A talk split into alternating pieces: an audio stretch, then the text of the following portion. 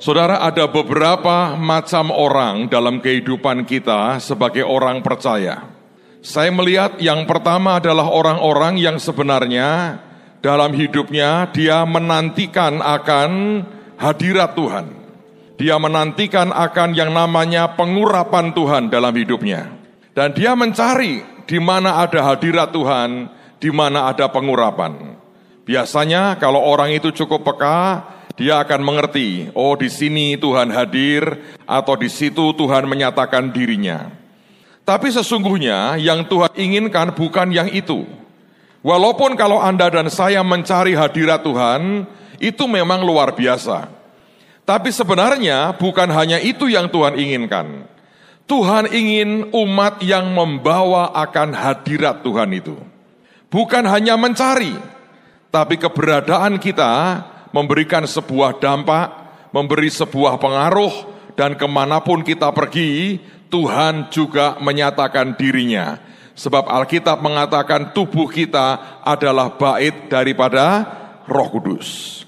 Saudara sekalian, makin hari saya percaya kegerakan akan makin kelihatan, makin kental, makin ajaib, makin luar biasa.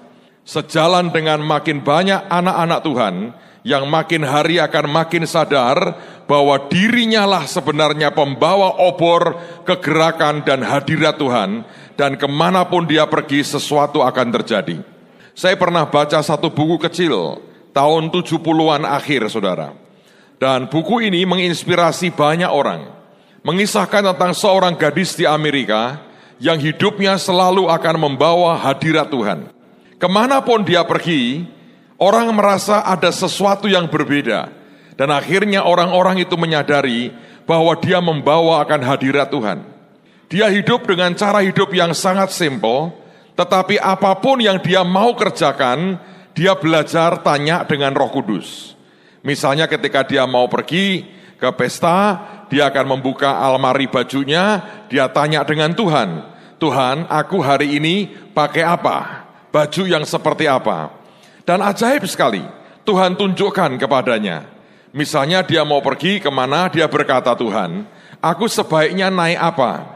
Naik kendaraan sendiri atau naik bus atau naik apa? Apa pun yang dia mau kerjakan, dia tanya roh kudus. Masih belia sekali. Saudara, orang-orang bersaksi, walaupun gadis ini kemudian usianya tidak panjang, Tuhan panggil pulang dalam usia yang cukup muda, dan orang bersaksi ketika dikubur itu ada harum bau harum yang luar biasa. Nah orang-orang berkata setiap kali ya teman-teman di kampusnya lagi ngomong hal-hal yang jorok, tiba-tiba ketika ketika dia mendekat saja, orang sudah tahu. Ini kok ada yang aneh ya, tiba-tiba semua berhenti, tidak ada ngomong kotor lagi, dan tidak lama kemudian dia lewat. Dan itu orang sampai perhatikan berkali-kali. Sehingga kemudian ketika mereka ngomong kotor, ada suasana kata mereka tidak tahu itu hadirat Tuhan. Ada suasana yang seperti tertentu itu, mereka berkata, dia pasti mau lewat. Dan tidak lama kemudian dia lewat. Saudara, apa ini sebenarnya? Orang ini membawa akan hadirat Tuhan. Dia tidak mencari hadirat, tapi hadirat itu ada bersama-sama dengan dirinya. Dalam kehidupan kita, sebetulnya hadirat Tuhan itu adalah perwujudan dari hubunganmu secara pribadi dengan Roh Kudus. Pengurapan yang keluar dan lahir dari hidupmu, yang muncul dan dirasakan oleh orang banyak, sebetulnya itu merupakan ekspresi daripada hubungan kita secara pribadi dengan Roh Kudus.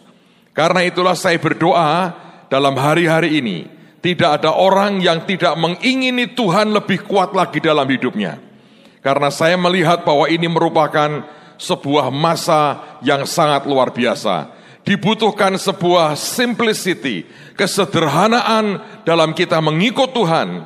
Dan itu sebenarnya sudah lebih dari cukup. Karena banyak orang Kristen ikut Tuhan dengan sangat rumit. Dalam benak, dalam pikirannya, dia bicara, dia berdebat, dia ngomong dengan begitu macam kerumitan. Padahal sebetulnya Ikut Tuhan itu butuh sebuah kesederhanaan. Dan dalam kesederhanaan itu, saudara akan mengalami sesuatu yang ajaib. Dalam beberapa minggu terakhir, kami setiap minggu mendoakan orang sakit. Bukan hanya mendoakan orang sakit, mendoakan orang yang pengen turun berat badannya. Dan ada mendoakan juga orang yang kepingin tambah tinggi, tinggi badannya. Banyak orang yang merasa dirinya pendek, ingin kawin dengan suami atau istri yang sedikit lebih tinggi, katanya untuk perbaikan keturunan. Terlalu lama kalau keturunanmu diperbaiki, maka kenapa tidak dirimu saja diperbaiki? Saudara, saya mau cerita beberapa hal, dan saya mau berkata ini sesuatu yang sangat simple, dalam kesederhanaan, dalam kerinduan yang sangat tulus hanya ingin memuliakan Tuhan, Anda akan lihat mujizat dalam hidupmu. Kira-kira sebulan yang lalu, Ibu ini tuh ngomong terus tentang kegerakan, tentang revival. Lalu kemudian dia tunjukkan ke saya beberapa klip yang aneh-aneh. Orang disembuhkan dari berbagai macam penyakit. Saya ini biasanya uh, mesinnya panas belakangan, saudara. Tapi panas belakangan, kalau sudah panas, menurut saya kalau sepak bola mirip Jerman lah, saudara. Ya, susah ini di, dikalahkan. Saya pertama didengerin itu ya, saya biasa aja, nggak ada nggak ada apa-apa. Tapi kemudian uh, satu hari ketika sudah beberapa kali dia tunjukkan ke saya, dia kirimi gambar-gambar mujizat yang aneh-aneh begitu. Tiba-tiba satu hari Tuhan bicara dengan saya. Dia berkata begini, nak, aku ini butuh pasukan. Pada waktu itu kita lagi berdoa buat persiapan acara kemarin tanggal 2. Dan Tuhan berkata, aku ini butuh pasukan. Satu hari sungguh-sungguh aku akan melawat jalan-jalan di negara dan bangsamu dengan sebuah kegerakan dan Tuhan itu ngajari saya begini, mengapa semua kegerakan di dunia ini sebetulnya hanya bertahan hanya beberapa tahun, relatif pendek. Salah satunya Tuhan berkata, semua kegerakan itu terjadi secara tiba-tiba dan sebetulnya aku tidak punya pasukan. Itu kegerakan yang luar biasa, tapi hanya pendek, terjadi mendadak, tapi Tuhan berkata aku tidak punya pasukan. Saya pernah lihat ketika di Toronto terjadi kegerakan itu, saya kalau nggak salah dua kali ke sana. Dalam waktu singkat, itu berkembang luar biasa. Tapi hanya di satu gereja itu. Bahkan tidak menjalar ke gereja lain. Hanya di satu gereja. Dan ketika terjadi kegerakan, jumlah jemaatnya makin drop. Kenapa? Tamunya banyak sekali. Itu pada tahun-tahun itu kalau Anda ke Kanada, Anda mendarat di Toronto, itu sebetulnya imigrasi buat ke gereja itu dikhususkan. Saya belum pernah lihat ada negara mengkhususkan imigrasi loketnya itu buat nerima orang yang mau ke gereja. Hanya di Toronto terjadi. Dan antriannya paling panjang. Secara berkala imigrasi ngecek di dalam gereja. Ini benar nggak sih orang-orang tadi itu benar ke gereja? Dan setelah berkat berkali-kali dicek dan benar, mereka nggak pernah ngecek lagi.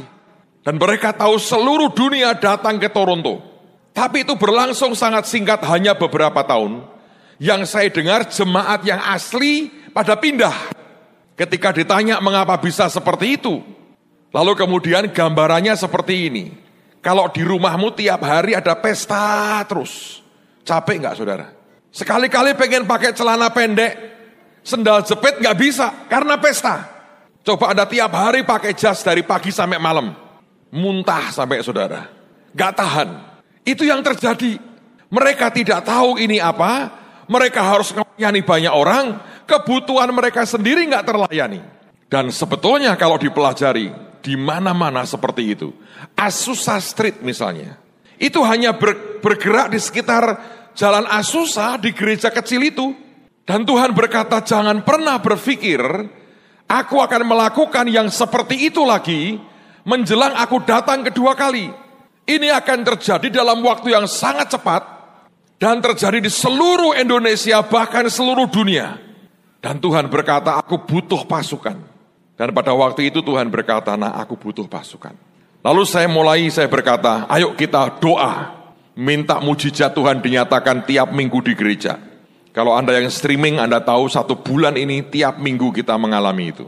Dan Tuhan berkata, sekali ini dia berkata, kamu nggak usah nengking. Suruh jemaat, suruh penari, suruh pasukanmu yang melakukan dan doa. Supaya mereka tahu mereka juga bisa dipakai Tuhan. Saya tunjukkan klip, setiap minggu saya tunjukkan yang aneh-aneh. Dan saya melihat roh Tuhan itu kerja dengan ajaib. Nah satu hari, suatu hari Ibu Iin berkata gini, ini ada lebih mujizat lagi. Rupanya itu kebutuhan beliau, saya tidak sadar itu. Saudara kok belum-belum sudah tertawa itu. Dia tunjukkan di sebuah KKR di Afrika ada hamba Tuhan yang dipakai Tuhan dengan karunia aneh. Yaitu mendoakan orang yang berat badannya dirasa sudah mengganggu. Karena banyak orang enjoy saja. Bahkan di Semarang ada komunitas orang gemuk sekarang. Mereka eksis dan bangga dan bahagia, ya sudah. Tapi ada yang merasa terganggu. Dan kemudian dia bilang, nih coba lihat ini, coba lihat. Pada waktu itu saya lagi di Bandung, kami lagi doa hamba-hamba Tuhan di Bandung. Dan beliau tunjukkan akan klipnya. Wih, hati saya gatalnya luar biasa, saudara. Saya lihat sendiri itu ada satu ibu-ibu, berat badannya 110 kilo. Dan ini hamba Tuhan tanya, dia akan dimaju ke depan, kamu berat itu berapa? 110. Tuhan akan buat kamu turun. Dia minta Tuhan sentuh dia, dia jatuh, getar sekali. Terus ini hamba Tuhan berkata, angkat dia ke mimbar. Dan mimbarnya sudah siap, timbangan berat badan. Bukan timbangan beras, saudara. Itu terlalu menghina. Timbangan berat badan. Dia tanya, berapa beratmu? 110. Nimbang. Begitu dia naik di timbangan, saudara. Tinggal 100. Wah, dia sudah bahagia. Turun 10 kilo. Kalau Anda ikut program diet itu sudah sengsara loh, turun 10 kilo itu. Iya toh? Hidup sudah sengsara betul itu untuk turun 10 kilo. Tapi kemudian ketika dia mau turun dari timbangan, itu pendeta berkata gini, jangan turun. Roh Kudus belum selesai dengan engkau. Lalu saya lihat itu di gambar itu goyang, terus di kamera di shoot timbangannya. Dan itu bergerak loh saudara. Dari 100 gerak, gelak, 90. Wah orang sudah histeris. Tiba-tiba klek lagi 80.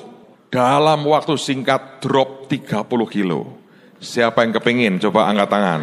Anda yang kurus-kurus begitu tekor lah turun 30 kilo. Nih ya, banyak orang tidak sadar loh. Anda cuma 57 kurangi 30 tinggal berapa? Zombie jalan begini, anakmu berkata, dalam nama Yesus kuntilanak keluar kau. Mari yang wajar saudara ya. Ini bukan untuk mainan tapi ini serius. Turun 30 kilo. Beberapa ibu-ibu itu kelihatan sekali itu. Sampai pada melorot semua rok dan celananya. Wah itu sebuah mujizat yang menimbulkan sedikit masalah di kemudian hari sih. Ketika terjadi pada waktu itu. Saya pada waktu itu saya sudah, hati saya sudah gatal sekali. Saya bilang, masa Tuhan tidak bisa lakukan yang sama? Ibu ini berkata, amin, amin. Aku mau, aku mau. Oke, benar mau? Mau. Ambil timbangan badan. Gak mau. Doakan tanpa itu nggak bisa. Saya mau mendoakan kamu di atas timbangan badan. Sebab saya punya pengalaman buruk dengan beliau, saudara. Beberapa tahun lalu kami ke Kalimantan. Dari kota Pontianak mau ke satu kota di perbatasan Malaysia. Naik pesawat kecil. Itu pesawat setiap orang berdiri di atas timbangan, saudara. Badan dan barang kita ditimbang karena pesawatnya kecil yang terakhir ditimbang beliau. Begitu naik, pilotnya berkata, wah bahan bakar harus dikurangi. Itu saya sudah punya pengalaman. Jadi saya bilang, ayo naik, di atas timbangan. Enggak, enggak, enggak mau. Akhirnya saya pulang Semarang, saya bilang sama Bu Ripkah, nanti minggu aku minta bawain timbangan berat badan. Saya bilang, Bapak mau ngapain? Saya mau nekat. Tapi saya ngomong sama Tuhan dulu. Tuhan kau ngerti hatiku. Aku tidak cari sensasi terlalu beresiko kalau aku cari sensasi. Ya kalau ada yang turun, kalau tidak ada. Orang didoakannya di atas timbangan. Kalau cuma cari sensasi, terlalu beresiko. Tapi saya bilang begini, Tuhan kau bilang, engkau butuh pasukan. Pasukan yang bisa digerakkan ke mana pun. Tidak harus aku sebagai hamba Tuhan yang mendoakan. Mereka juga bisa. Saya mau bersaksi buat saudara. Ada sedikit ralat sebetulnya. Pada waktu minggu pagi, rekor tertinggi itu pada waktu pertama kali sekian menit pertama tidak terjadi apa-apa saudara. Mereka tidak berkeringat, saya yang keluar keringat dinginnya. Saya bilang betul-betul tidak terjadi apa-apa ini. Tapi saya bilang Tuhan kau ngerti hatiku lah. Paling-paling malu tidak apa-apa. Saya bilang ayo semangat sembahyang. Di depan saya itu seorang ibu dokter saudara. Dia naik di atas timbangan dan di depan mata saya turun dua kilo. Glok, glok. Dia kaget, saya juga kaget, saya terang, dokter, dua kilo, iya pak, dua kilo, itu bahagia sekali dua kilo. Karena banyak orang, saya sudah diet Pak, turun kemarin 2 kilo. Sekarang gimana? Setelah ikut Monas, saya muter, saya makan siang, saya tambah 5 kilo. Ah. Dia bahagia. Tapi pagi itu ada satu ibu, dia turun sampai 7 kilo. Wih, saya bahagia sekali saudara. 7 kilo. Nah, ini yang saya belajar ya saudara. Kalau Anda mendengar firman jadi rema dan dalam kesederhanaan saudara itu akan membawa dampak luar biasa sih. Rupanya ada jemaat yang streaming pagi itu. Dia mau kebaktian sore, tapi pagi mungkin sambil tiduran dia streaming. Dia itu beratnya 100 sekian. 100 berapa ya? 112 kilo. Dia bilang, Tuhan nanti malam aku mau kebaktian. Aku juga mau percaya ini turun 112. Lagi. Lalu kemudian sorenya datang kebaktian, Sepanjang kebaktian keringat ngocor terus. Lalu kemudian ini kesalahan sih. Dia maju ke depan, didoakan, dia naik di timbangan. Turun menjadi 93. 93. Nah, ini Pak Victor teman saya salah ngitung. Dipikir turun 9. Ternyata berapa? 19, saudara. Turunnya itu ternyata sampai 19 kilo. Anda tepuk tangannya nggak terlalu yakin loh bahwa itu terjadi. Gini, ya Tuhan malam ini saya begitu. Nggak ada timbangan berat badan toh, nggak ada kan. Bagaimana kalau besok malam praktek? Tapi yang doain penari-penari. Karena mereka kurus-kurus biar mereka yang mendoakan. Selesai ibadah dijajar timbangan berat badan. Besok ada Bu Iin, siapa tahu beliau tergerak hatinya, ya kan? Mungkin beliau kalau berdoa rame-rame dengan saudara, akan terjadi sesuatu sih. Ya kita lihat besok lah saudara ya. Sebab mujizat itu nyata. Tapi saya lihat itu ajaib loh. Dan sejak itu setiap minggu saya doain begitu. Mungkin belum ada yang 19 lagi, tapi yang turun 3, turun 4 itu banyak. Menurut saya juga kalau Anda turun terlalu drastis, nggak terlalu bagus sih. Tapi saya lihat Tuhan itu ajaib. Nah nggak lama kemudian saya lihat lagi aneh. Tinggi bisa tambah. Wah ini orang Indonesia banyak membutuhkan ini. Lalu kemudian saya ngomong itu di youth kami. Wah youth ini kurus-kurus kalau kurangi lagi sudah nggak bisa ini. Tapi pendek-pendek susah ini masuk di jadi polisi atau tentara kagak diterima nih. Apalagi pilot, waduh masalah ini. Kalau Anda nggak lihat kan begini kan susah saudara. Lalu kemudian saya bilang begini, ayo siapa yang mau nambah? Karena di, di klip itu saya lihat saudara. Itu orang disuruh duduk, diperintahkan kakinya nambah, itu kelihatan loh, gerak. Lalu kemudian yang satu lagi diperintahkan gerak, ajaib loh. Lalu saya bilang, ayo dicoba. Maka dicobalah. Anak-anak saya suruh buat ukuran tinggi, jadi mereka ngukur dulu berapa tingginya. Terus didoakan, nengkingi sendiri. Saya bilang nggak ada, ini self service. Duduk di situ tengkingin sendiri. Minta Tuhan tambahi tinggimu. Saudara saya lihat yang Sabtu itu ajaib memang. Dimulai dengan nambah tiga, ada yang nambah lima senti. Itu banyak sekali. Kemudian ada beberapa bilang, saya naik sembilan senti. Beberapa naik sepuluh senti. Rekor tertinggi itu sebelas senti. Itu ada anak umur 21 tahun datang mungkin dengan ceweknya, lebih tinggi ceweknya. Jadi kalau dia pacaran dia begini terus. Karena ceweknya lebih tinggi. Dia itu 144 pada waktu didoakan. Jadi 155.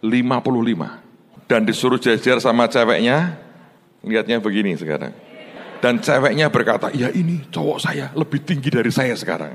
Tidak usah nunggu perbaikan keturunan. Dia sudah diperbaiki Tuhan, saudara. Amen. Siapa yang butuh tinggi badannya ditambah? Gampang nanti begitu amin saling mendoakan. Mbak, Anda kok gemuk, Anda kok pendek, mari kita saling mendoakan. Selesai toh?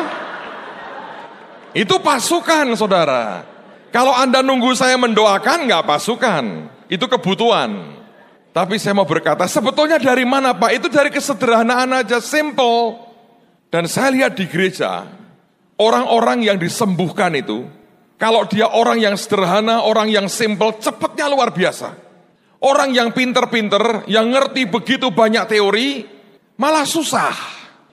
Banyak hal yang saya pikir Tuhan aneh loh, orang-orang tidak kenal namamu, tapi kemudian lihat begitu aja dia percaya dan terjadi sesuatu. Makanya saya berkata hari-hari ini itu sebetulnya ajaib. Yang paling mengerikan buat saya adalah kalau sebetulnya Anda juga sudah berkata, oh bukan saya kok. Saya nggak bisa seperti itu. Saya nggak bisa. Beberapa minggu lalu kami nonton film rame-rame Left Behind. Siapa yang sempat nonton Left Behind? Anda kalau masih ada perlu nonton. Supaya tanya dengan dirimu, satu hari engkau diangkat atau tidak. Oh diangkat pak. Why? Kenapa Anda harus diangkat? Dan sebetulnya kriterianya apa? Sebetulnya bukan asal Kristen sih, tidak. Orang itu didapati tugasnya selesai. Kalau dalam target Tuhan itu Anda nggak tercapai, Anda harus tuntaskan. Dan sebagian Anda mesti bayar dengan nyawamu. Saudara ini hari-hari yang sangat serius loh. Satu hari banyak orang akan ditinggal dan dia akan teriak Tuhan. Aku mendengar engkau berkhotbah mengajar di jalan-jalan di kotaku. Dan Tuhan berkata, aku tidak kenal engkau. Menyelesaikan tugas kita dan lakukan apa yang Tuhan mau. Itu sesuatu yang serius. Kekristenan bukan rangkaian ibadah dan rangkaian seminar seperti ini. Kalau apa yang Tuhan berikan setiap bulan tiga hari, ditambah Anda di gereja masing-masing, Anda dengar firman di tempat masing-masing, tidak bisa merubah hidupmu jadi seperti yang Tuhan mau. Dan dalam ketajaman Anda di tengah-tengah pusat kehendak Tuhan yang sempurna, kita adalah manusia paling malang di dunia. Sementara tiap kali kita berhadapan dengan apa yang dari Tuhan diberikan di depan mata kita. Saudara saya berdoa, Tuhan akan buat kita jadi pasukan yang luar biasa. Amen.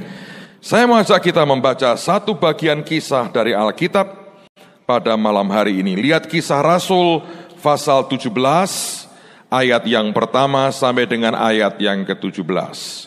Kisah Rasul 17 lihat pada ayat yang pertama sampai dengan ayat yang ke-17. Paulus dan Silas mengambil jalan melalui Ampi, Amphipolis dan Apolonia dan tiba di Tesalonika. Di situ ada semua ada sebuah rumah ibadat orang Yahudi. Seperti biasa, Paulus masuk ke rumah ibadat itu. Tiga hari sabat berturut-turut ia membicarakan dengan mereka bagian-bagian dari kitab suci. Ia menerangkannya kepada mereka dan menunjukkan bahwa Mesias harus menderita dan bangkit dari antara orang mati. Lalu ia berkata, inilah Mesias, yaitu Yesus yang kuberitakan kepadamu. Beberapa orang dari mereka menjadi yakin dan menggabungkan diri dengan Paulus dan Silas dan juga sejumlah besar orang Yunani yang takut kepada Allah dan tidak sedikit perempuan-perempuan terkemuka. Tetapi orang-orang Yahudi menjadi iri hati dan dengan dibantu oleh beberapa penjahat dari antara petualang-petualang di pasar, mereka mengadakan keributan dan kekacauan kota itu. Mereka menyerbu rumah Yason dengan maksud untuk menghadapkan Paulus dan Silas kepada sidang rakyat.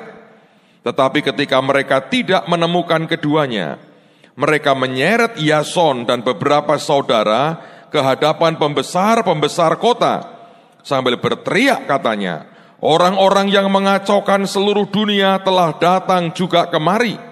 Dan Yason menerima mereka menumpang di rumahnya.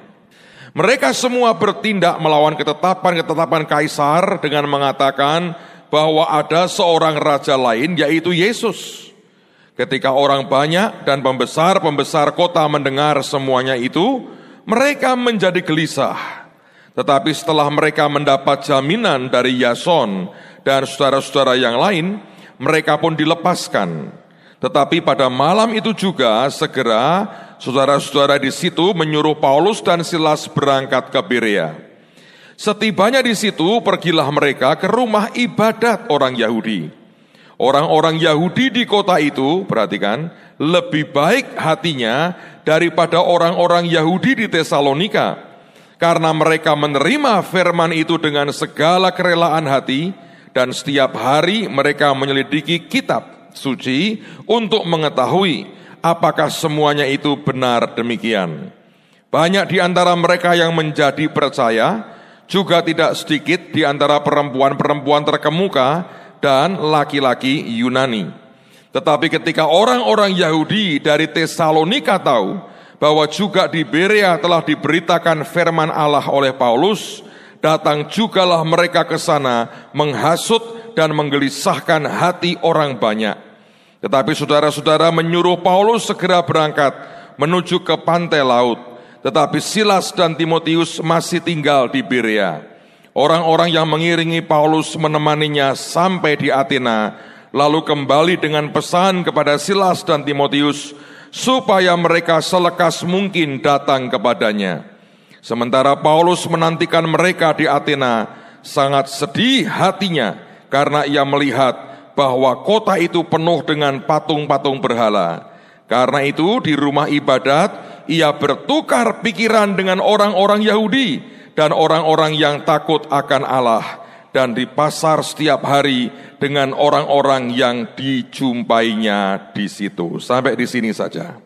Saudara saya belajar akan sebuah kondisi hati orang dan digambarkan dalam bentuk kehidupan orang Tesalonika dan kehidupan orang Berea.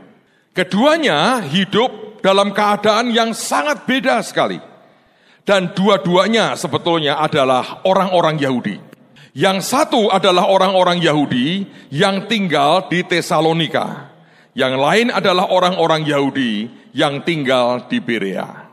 Nah apa perbedaannya? Saya ingin tunjukkan beberapa hal kepada saudara Biarkan firman ini jadi sebuah cermin buat kehidupan kita untuk tahu apa yang Tuhan suka dan apa yang Tuhan tidak suka.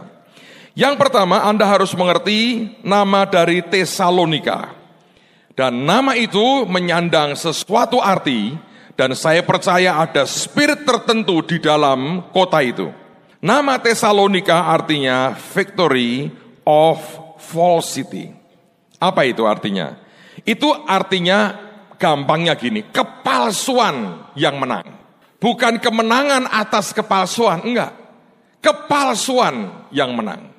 Saudara sekalian, kalau Anda dan saya mau jujur, sebetulnya orang Indonesia dari kecil kita sebetulnya sudah terdidik dengan yang namanya hidup dalam kepalsuan. Saya masih ingat ya, saya nggak tahu dengan kota-kota lain atau tradisi suku lain. Tapi dulu saya waktu kecil, orang tua saya, opa, oma saya kalau ngomong begini, nih ya makan jeruk. Terus dia ngomong gini, bijinya jangan kamu telan. Kalau bijinya kamu telan, nanti tumbuh di kepalamu pohon jeruk. Siapa yang pernah dengar begitu? Coba angkat tangan. Wih, sama kan saudara? Bohongnya luar biasa. Waktu itu kita percaya. Ya kan? Begitu ketelan kita nangis, kita bilang, ah ketelan ini gimana? Jawabnya gampang, minum yang banyak. Dan mereka tidak gelisah. Kalau betul di atas kepala kita bisa keluar pohon jeruk, kan mereka gelisah. Loh saya beri sesuatu yang sangat simple. Ini namanya yang menang apa? Kepalsuan. Dan kita begitu percaya dengan yang namanya kepalsuan ini. Lalu kalau Anda makan, beberapa orang tua ngomong begini, kalau makan itu jangan bagian brutunya, kalau ayam itu, ya. Pernah dengar itu? Nanti kamu jadi orang paling belakang. Lah terus siapa yang makan? Mak saja yang makan karena sudah tua. Sekarang saya baru tahu itu bagian paling enak sebetulnya. Saudara kalau Anda perhatikan ya, ada banyak cerita-cerita yang diberikan kepada anak-anak yang isinya sebetulnya kepalsuan. Intinya mengintimidasi, tidak ngomong kebenaran. Nah sekarang kalau di sebuah kota atau di sebuah kelompok, atau ada pada pribadi orang, yang selama ini yang menang adalah kepalsuan. Saudara bisa bayangkan? Kebenaran seperti apa pun akan diberikan tidak akan pernah tumbuh. Kadang-kadang kalau saya melihat kenyataan nih saudara ya, dalam hati ini saya saya ini orang yang cukup banyak bertemu dengan banyak pendeta. Saya dengan segala hormat, saudara. Saya kalau sudah cerita ke banyak dari mereka, ini loh Tuhan sedang kerja. Roh Tuhan kerja, ini terjadi kegerakan, ini luar biasa. selalu akan muncul tiga pertanyaan. Pertanyaan pertama, yaitu nanti kelompok itu tidak marah. Nanti tidak diserbu gerejanya. Nah kalau gereja dibakar, selalu pertanyaannya begitu. Artinya dia berkata begini, itu terlalu beresiko. Padahal, tahukah Anda, kalau itu sudah mulai itu yang pertama muncul, yang sedang dipotong dan dihabisi adalah amanat agung Tuhan Yesus. Kalau semua yang kita kerjakan untuk membawa jiwa kenal dengan Yesus, dikalahkan dengan sebuah ketakutan yang sebagian besar tidak pernah terbukti. Beranikah kita satu hari bertemu dengan Yesus? Sementara kita sedang memotong, mengebiri, maaf ini, amanat agungnya. Kalau kita mengaku orang Kristen, amanat agung Tuhan Yesus saja kita potong. Menurut saya tidak punya muka lagi loh. Untuk berani ketemu dengan Tuhan. Iya kan? Kalau sebuah pesan yang paling hebat, yang diakui dari abad ke abad, ini Great Commission, Great Commission. Dan itu yang paling tidak kita kerjakan. Sebetulnya kita hidup dalam kepalsuan. Karena kata Kristen artinya Christ-like, yang seperti Kristus. Lalu yang kedua begini, follow up-nya bagaimana? Jadi kalau tidak ada follow up-nya kenapa harus diinjili? Itu seperti mengaborsi. Wih, saya kaget sekali. Firman berkata Tuhan yang sanggup menjaga dia dari tersandung dan dari jatuh. Tuhan yang sanggup menjaga dia dengan tak bernoda di hadapan Tuhan. Yang sanggup jaga itu Tuhan. Saudara Billy Graham pernah mensurvei KKR-KKR yang dia buat. Dari begitu banyak, dia juga mengakui yang bertobat waktu dia KKR maksimal cuma 5 sampai 10 persen yang sekian tahun kemudian masih tetap setia ke gereja. Tapi apakah membuat semua KKR-nya tidak ada artinya? Menurut saya tidak. Ada rahasia Tuhan yang kita tidak tahu. Tapi perintah Tuhan jelas, pergi, jadikan semua bangsa muridku. Kita lakukan bagian kita, Tuhan kerjakan bagian kita. Tapi tidak ada alasan untuk Anda dan saya mengebiri akan sebuah kebenaran. Dan pertanyaan klasik berikutnya adalah, duitnya habis berapa kira-kira ini? Saudara, saya tiba-tiba saya ingat sesuatu. Di banyak gereja kalau Anda lihat hiasan bunganya itu selalu bunga plastik. Karena kalau tiap minggu ganti bunga segar mahal. Tidak ada yang salah dengan itu. Tapi coba lihat bunga plastik itu sebetulnya bagus sekali. Cuma satu, tidak bisa tumbuh. Semua pupuk dan air yang Anda taruh di situ tidak membawa gerak ke mana-mana. Memang tidak pernah layu sih. Tapi itu bukan yang kehidupan. Nah hidup Anda dan saya ini, kalau setiap hari hanya diisi dengan namanya kepalsuan yang menang, apa pun reason dan alasannya, satu hari tiba-tiba yang lahir dari hidup kita adalah cuma ngejar-ngejar anak Tuhan yang lain dan menciptakan kerusuhan dan kekacauan di mana-mana. Saya melihat di dunia ini, spirit seperti ini kuat sekali. Sedih lihatnya. Hari ini dia cari orang-orang seperti Paulus, seperti Silas, seperti Timotius. Lihat gerak terus. Dari Tesalonika, dia terjadi kerusuhan, dia pindah ke Berea. Berea ribut, dia pindah ke Athena. Never ending. Sebab yang dikejar adalah jiwa-jiwa. Dia tidak pernah kapok datang ke sinagog orang Yahudi karena cintanya kepada bangsanya bicara kepada mereka tentang Kristus Yesus. Tapi ketika sampai Tesalonika, Paulus berhadapan dengan kepalsuan yang menang. Dan semua yang dasarnya adalah kepalsuan, diberi apa pun tidak akan pernah tumbuh. Ada orang-orang yang palsunya di kerendahan hati. Kalau diajak ngomong, oh ya amin Pak, luar biasa ya amin, saya terima, saya terima. Begitu ditegur dia bilang, aku rapopo, terima kasih, terima kasih. Tapi nggak berubah. Karena sebetulnya palsu kerendahan hatinya. Semua yang dia bilang tidak apa-apa itu ternyata masalah. Dan dia bisa begitu kecewa. Tapi di luar tampilannya rendah hati. Kalau kita hidup dalam kepalsuan seperti itu, akan mengerikan, saudara. Anda diajari apa pun nggak akan bisa. Sebab palsu. Sekarang di dunia ini orang jual juga rumput palsu kan? Anda pernah ketemu?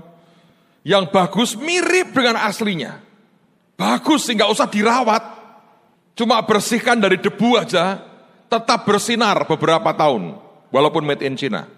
Tapi kalau Anda ingin tumbuhi tanamin sesuatu, gak ada gunanya. Anda beri pupuk juga tidak akan lebih baik. Karena sebetulnya itu hidup dalam kepalsuan.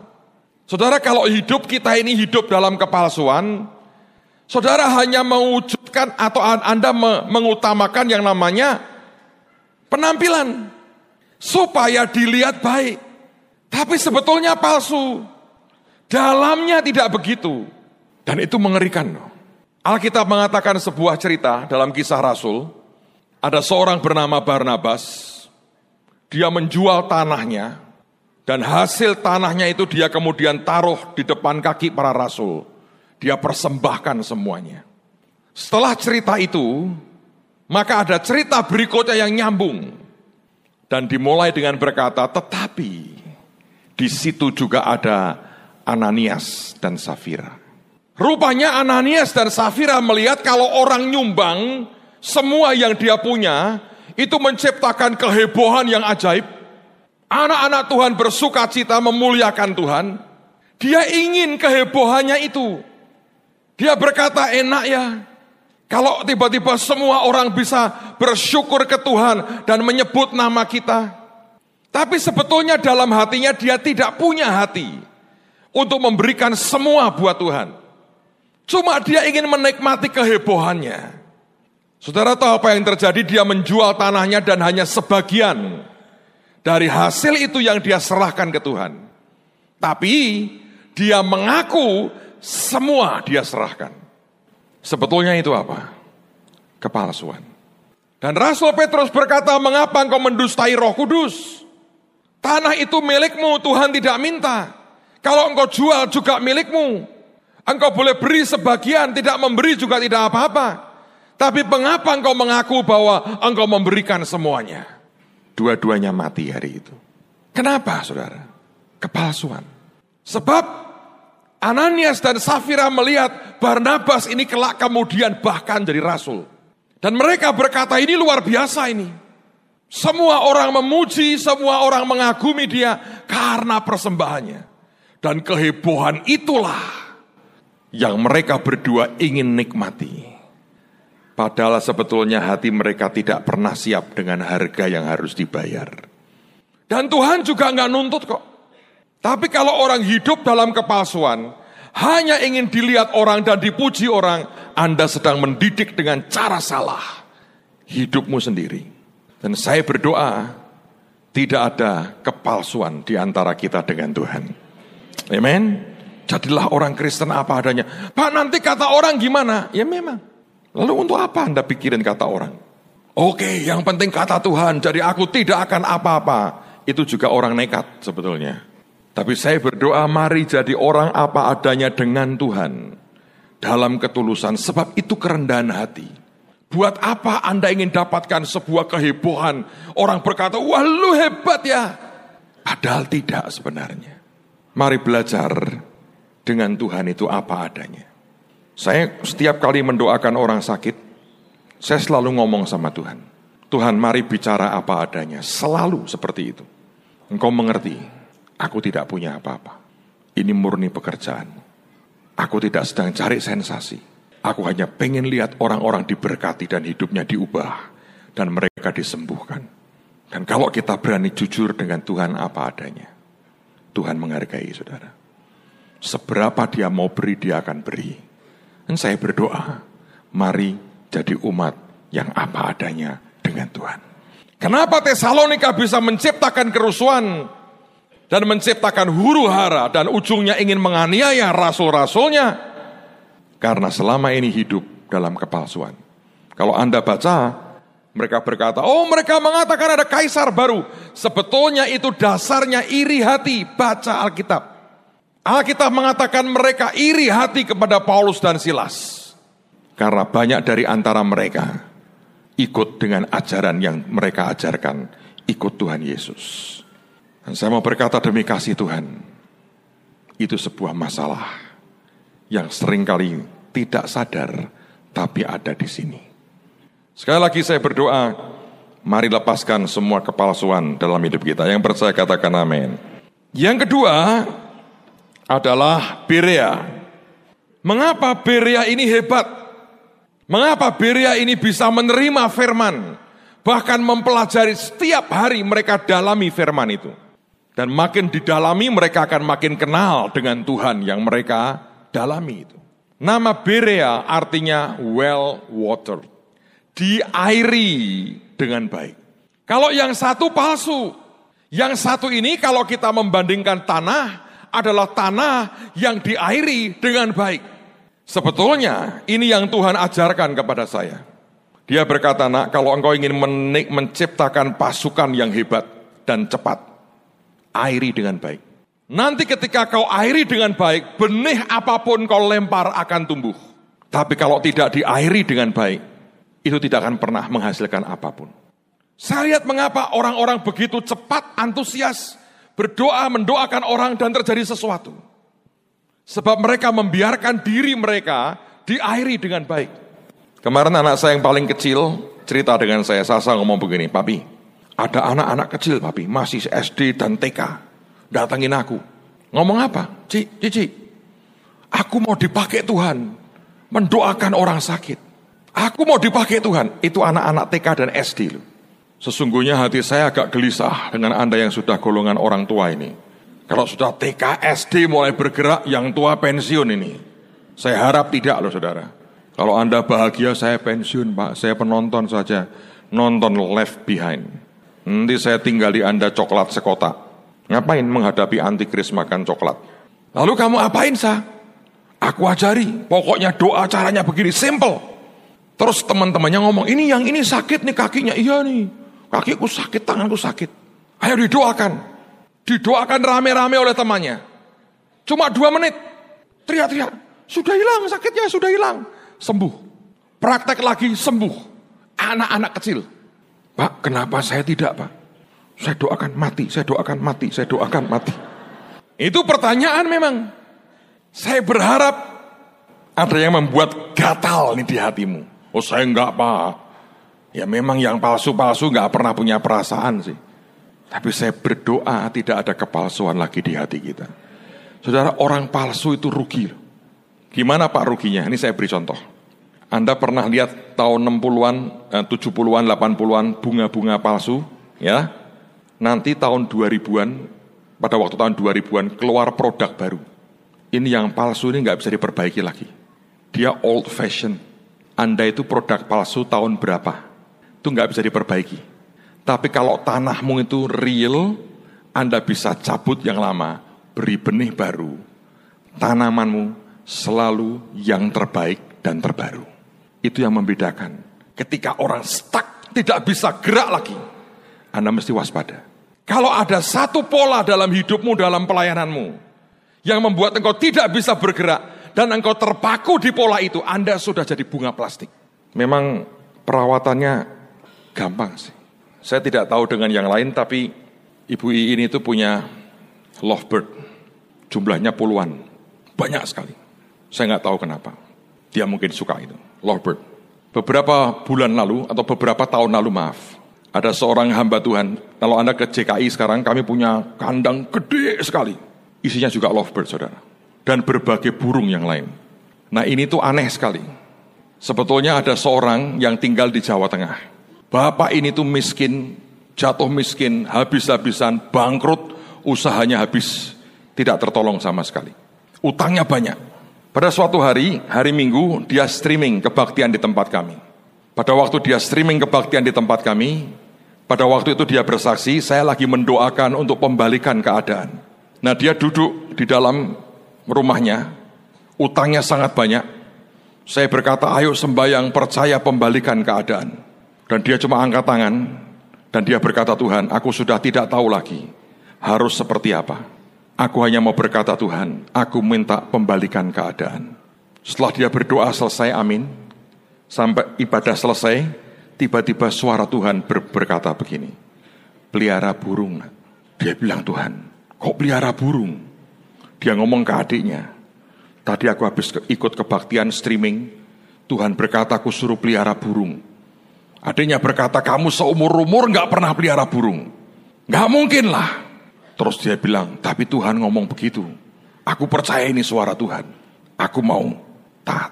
Dia beli lovebird sepasang. Saudara, ternyata burung ini beranaknya, bertelur, beranaknya cepat sekali. Dan yang lahir warna aneh-aneh. Dan di zaman itu kalau Anda tahu warna aneh itu artinya satu ekor bisa jutaan. Dalam waktu hanya empat bulan, nggak lebih kurang empat sampai enam bulan. Dia bisa kumpulin uang sampai satu M, saudara. Dia bayarin semua hutangnya. Sementara orang yang utang dengan dia tidak ditagih.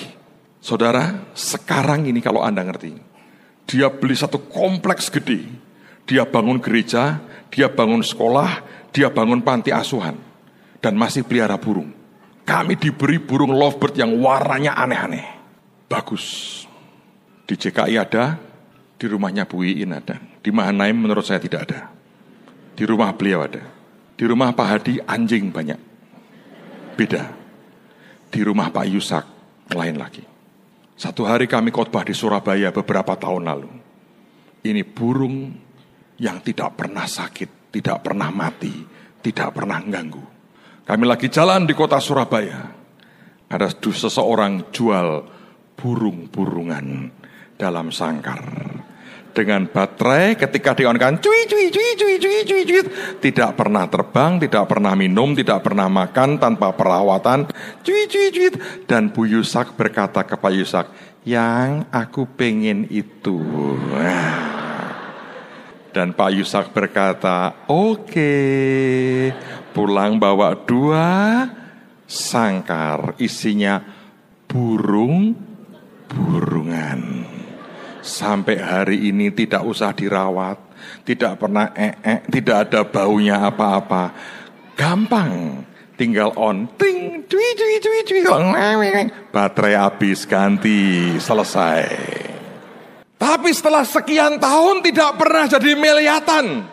Sebab cuman palsu. Apakah kita mau jadi seperti orang Tesalonika? Di mana kepalsuan itu yang menang dalam kehidupan kita? Atau sebenarnya kita mau jadi seperti orang Berea yang Alkitab berkata hatinya lebih terbuka, cara berpikirnya lebih terbuka, sebab kata Berea artinya diairi dengan baik. Dalam kehidupan kita, dalam kekristenan kita, mari jangan jadi orang Kristen palsu. Kelihatannya baik, tapi tidak menghasilkan apa-apa. Mari jadi orang-orang percaya yang berkata Tuhan airi aku dengan rohmu setiap hari. Maka Tuhan akan memberikan setiap benih yang terbaik dalam kehidupan kita dan hidupmu akan berbuah dengan luar biasa. Amen, saudara. Saya kalau lihat apa yang Tuhan kerjakan hari-hari ini, saya bersyukur sekali. Kalau Anda lihat orang dengan seperti kejadian kemarin, saya dengar dari beberapa teman itu, itu kan tidak disetting buat kebaktian atau acara di Monas itu. Tapi ketika diajak berdoa untuk orang sakit, tumor hilang. Saudara kalau Anda selesai dengan itu bahagia tidak sih? Pasti bahagia. Dan kalau itu kerinduan hati Tuhan, saya berdoa juga kerinduan hati kita. Ada sangat banyak hal yang hari-hari ini Tuhan mau kerjakan dalam hidup kita. So firman hari ini berkata, jangan pilih yang palsu, pilih yang diairi dengan baik. Pilih yang punya kehidupan.